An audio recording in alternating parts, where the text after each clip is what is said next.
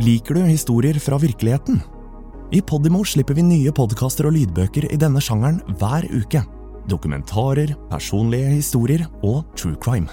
I denne spillelisten kan du høre et utvalg av våre mest populære titler. Podimo. Podkast og lydbøker i én og samme app.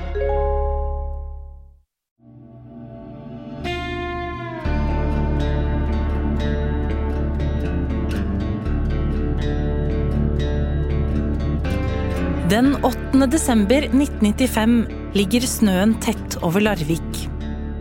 I forrige uke tente byen julegrana i sentrum, og nå, åtte dager senere, er det fortsatt få som vet at en 71 år gammel mann ligger død i huset sitt i Rødbergsvingen 11 rett utenfor byen.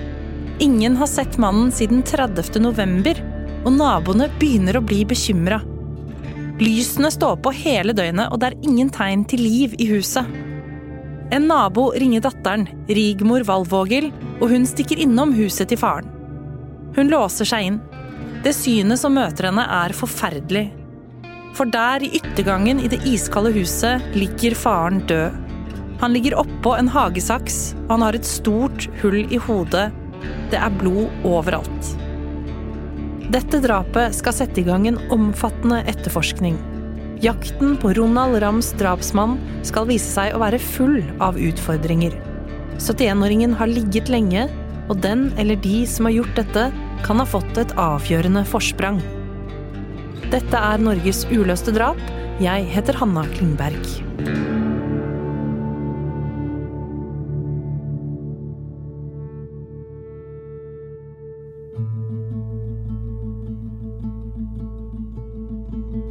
Ronald Ramm ble født den 17. november 1924. Lite er kjent om livet hans, men på et tidspunkt gifter han seg og får tre døtre med kona Carrie. Og de bosetter seg i Rødbergsvingen mellom Larvik og Stavern. Ronald er sterk og sta. Selv på sine eldre dager vil han klare seg på egen hånd. Blant annet husker naboer at han bar steiner opp og ned trapper for å bygge en steinsetting i hagen inspirert av en han hadde sett på Farris bad. Han hentet store steiner nede fra sjøen og bar dem flere hundre meter hjem igjen. Ronald Ramm beskrives av folk som enten kjente ham eller visste hvem han var, som en litt vrang type. Han kunne være sta, spydig, sur, provoserende, og selv hans egne barnebarn hadde ikke noe nært forhold til ham. De har fortalt til VG at de opplevde turene til morfaren nærmest som pliktbesøk tross at de bodde i nærheten. Ronald hadde en viss tilknytning, eller i det minste kjenninger, i Larviks kriminelle miljø, og han visste å erte på seg alle slags folk. Han pleide, spesielt i den siste tiden, å skryte av at han hadde så mye penger, og at han hadde mer enn 100 000 kroner liggende hjemme. Og dette er, så vidt vi vet, penger han hadde spart opp, og noe av det tjente han på å selge bruktgjenstander til bruktbutikker i nærområdet. Det er ikke bare det at Ronald kan oppfattes som litt vanskelig. Politiet beskriver 71-åringen som sexfiksert. Og 35 år tidligere, i 1960, ble Ronald Ramm dømt for å ha seksuelt misbrukt en mindreårig jente. Ronald var på dette tidspunktet i slutten av 30-årene. Forfatter og tidligere politimann Jørn Lier Horst har interessert seg for Ramm-saken siden starten. Han har skrevet romanen Nøkkelvitne basert på drapet. Og i et nylig intervju forteller han at overgrepet mot den mindreårige jenta ikke er det eneste av sin sort. Horst går ikke i detaljer, men hinter til at det ligger andre lignende tilfeller i Rams fortid. Forhold han aldri er dømt for.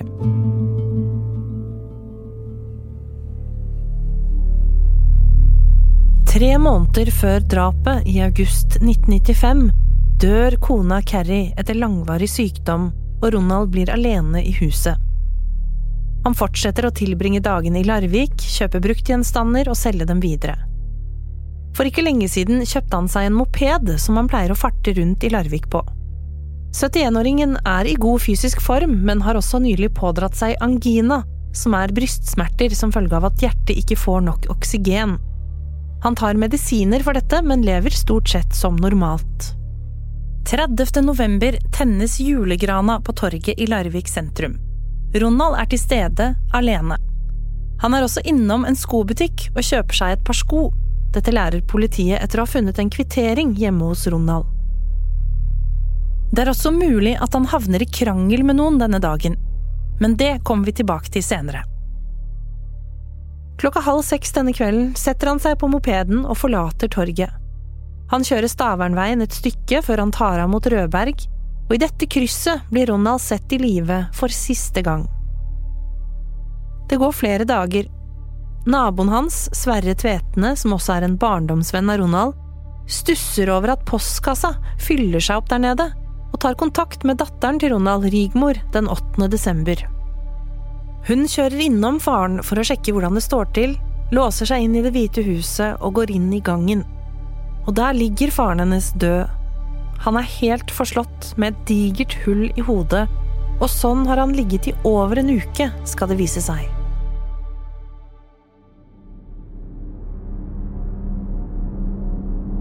Det er blodspor i flere av rommene, og politiet tror det har vært en hard kamp mellom Ronald og gjerningsmannen eller mennene. Det er smurt blod langs med veggene, det er blod på skap, gulvet, tepper og på et brannslukningsapparat, og Ronald ligger oppå hagesaksen sin ved siden av en sykkel. Politiet beveger seg videre innover i huset, ned i kjelleren. Der finner de Ronalds katt liggende livløs på det iskalde gulvet, også den har blitt drept. Buken er skåret opp. Ronald var veldig glad i den katten og passet godt på den etter at kona gikk bort. Huset til Ronald har tilsynelatende blitt gjennomsøkt. Skuffer er dratt ut, papiret ligger overalt, og det ligger rot på gulvet. Ronald var en svært ryddig person, så dette rotet er lite typisk for ham. Politiet finner også en koffert, den er skåret opp med en kniv og en liten kiste er også forsøkt skåret opp. Gjerningsmannen har lett overalt i huset etter noe. Kan det være pengene til Ronald eller andre verdisaker? Safen hvor Ronald oppbevarte mesteparten av pengene sine, den som han skrøt av til mange han møtte, er urørt. Det er i hvert fall ingen tydelige tegn på at den er forsøkt brutt opp. Hvis gjerningsmannen har prøvd å åpne den, kan han ikke ha gjort en veldig grundig jobb. Politiet finner rundt 140 000 kroner i safen. Og et annet sted i huset finner de lommeboka til Ronald med 6000 kroner i. Politiet finner også et DNA-spor på kroppen til Ronald Ramm. Det er snakk om rester fra hud og sæd stammende fra en annen mann. Har Ronald blitt voldtatt? Politiet sliter med å fastslå helt sikkert hvorvidt 71-åringen ble seksuelt misbrukt før drapet, eller om dette dreier seg om et frivillig samleie. Etterforskningen og utspørringen av byens kriminelle settes raskt i gang. Politiet leter i miljøene som Ronald skal ha hatt kontakter i. Der er det nok av folk som husker Ronald og kan fortelle om flere små konflikter. Blant annet lærer etterforskerne at Ronald hadde vært redd i tiden før han ble drept. Han skaffet seg en hagle som han oppbevarte på soverommet men helt konkret hvem Ronald var redd for, er vanskelig å få klarhet i.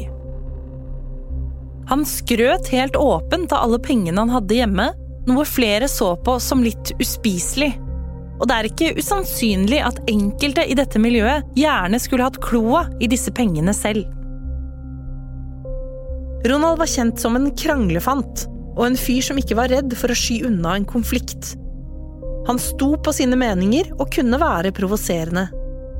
Dette kombinert med dommen mot ham fra 1960 får politiet til å tenke at det finnes flere mulige motiver enn ran for å drepe Ronald Ramm. Så kan drapet ha vært motivert av hevn? Ronald ble drept av hele 18 slag mot hodet. Det virker som et personlig motivert drap. Om det skjedde i affekt eller om det var planlagt, vet vi ikke. Og det er noe annet ved åstedet som tilsier at Ronald kan ha kjent morderen, for det er ingen tegn til innbrudd i boligen. Slappa han inn sin egen drapsmann i huset? Hagla han nettopp hadde kjøpt, var ikke i nærheten av der han ble funnet. Hvis Ronald var så livredd for personen eller personene han hadde sluppet inn i huset den dagen, hvorfor henta han ikke hagla først? Og hvorfor slapp han vedkommende inn i huset i det hele tatt?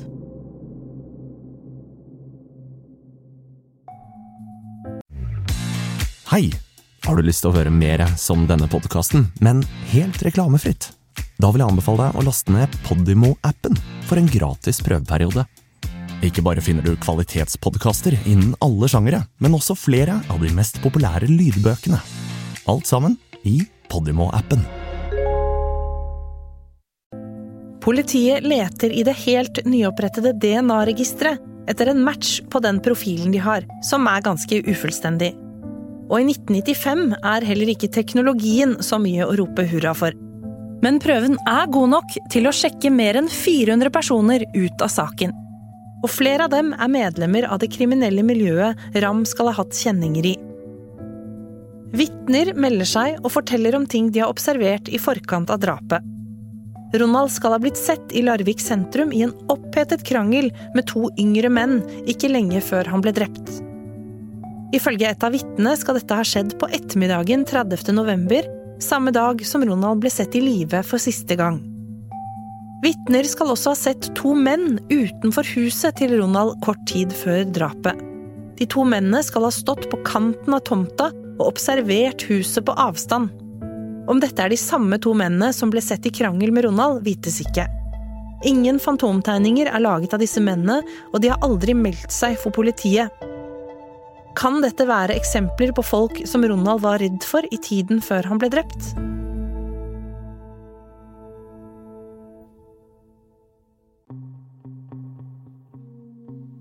I desember 2010 omtales Ram-saken i enkelte medier som foreldet. Det dukker ikke opp særlig med nye spor, og etterforskningen står på dette tidspunktet stille. I virkeligheten er saken fortsatt åpen, og politiet tar fortsatt imot tips. Men så, bare uker etter den såkalte foreldelsen, tar en mann kontakt med Jørn Lier Horst på telefon. Mannen forteller den tidligere politimannen at det var han som drepte Ronald Ramm i 1995. Lierhorst tar dette videre til politiet, men håpet på en gjennombrudd i saken dempes av at denne mannen har gjort dette tidligere. Han har blitt avhørt flere ganger, fra så tidlig som i 1995, og han har gjentatte ganger trukket tilståelser og forklaringer. Selv betegner han tilståelsene som fyllerør. Mannen tilhører det kriminelle miljøet i Larvik og forblir en interessant person, men politiet tror likevel ikke at han er Ronalds drapsmann. Ikke lenge etter trekker mannen også denne tilståelsen. Han nekter for å ha tilstått drapet. I stedet sier han at han ikke drepte Ronald, men at han faktisk var der da det skjedde, og at han vet hvem som gjorde det, og at han kommer til å ta hemmeligheten med seg i graven. Politiet trenger mer å gå på. De ønsker at mannen forklarer seg om flere av detaljene før de kan ta ut en siktelse, men nå ønsker ikke mannen å uttale seg om saken mer.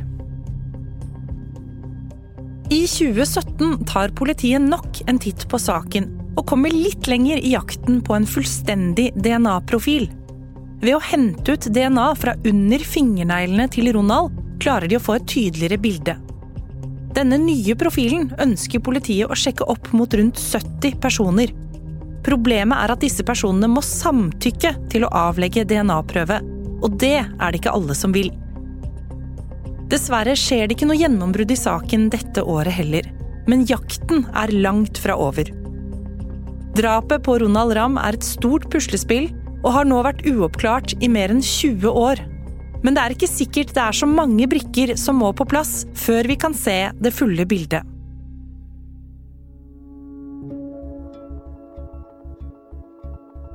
Ronald Ramm ble sannsynligvis drept en gang kort tid etter at han tok mopeden hjem fra Larvik til huset sitt på Rødberg, dvs. Si om kvelden eller natten 30. november 1. desember. Men hvorfor ble han drept? Hadde Ronald fornærmet noen? Var det noen som ble lei av denne seige fyren som kunne være så frittalende, og bestemte seg for å ta hevn? Kan drapet være en direkte konsekvens av Ronalds mørke fortid, en slags hevn for det seksuelle misbruket av en mindreårig jente, eller kanskje andre lignende hendelser? Eller handlet det om pengene? Hadde han skrytt av de 140 000 kronene han hadde hjemme, til feil folk? Men hvorfor virker drapet da så personlig? Ronald ble slått i hodet 18 ganger, og pengene lå fortsatt i safen da han ble funnet en uke senere. Uansett hvem som har drept Ronald og hvorfor, så er det én ting som er åpenbart. Vedkommende har aldri sonet sin straff.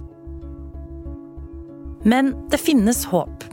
Politiet mangler bare en match til DNA-profilen, som nå er sterk nok til å kunne identifisere en gjerningsmann. Så i 2021 er håpet om å få oppklart denne saken kanskje noe sterkere enn for bare få år siden. Familien til 71-åringen ønsker mer enn noe annet å finne svaret på spørsmålet som har plaget dem i mer enn 25 år. Hvem drepte Ronald Ramm?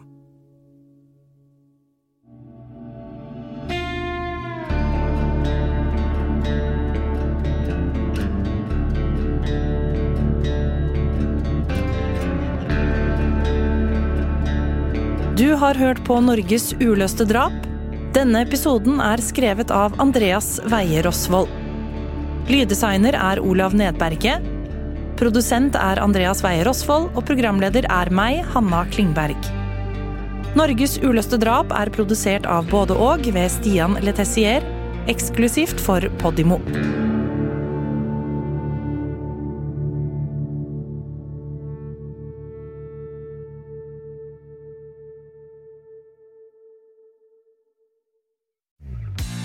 Likte du denne episoden? Så del den, da vel. Fortell en venn hva du hører på, og gi følelsen av god lytting i gave til noen du bryr deg om.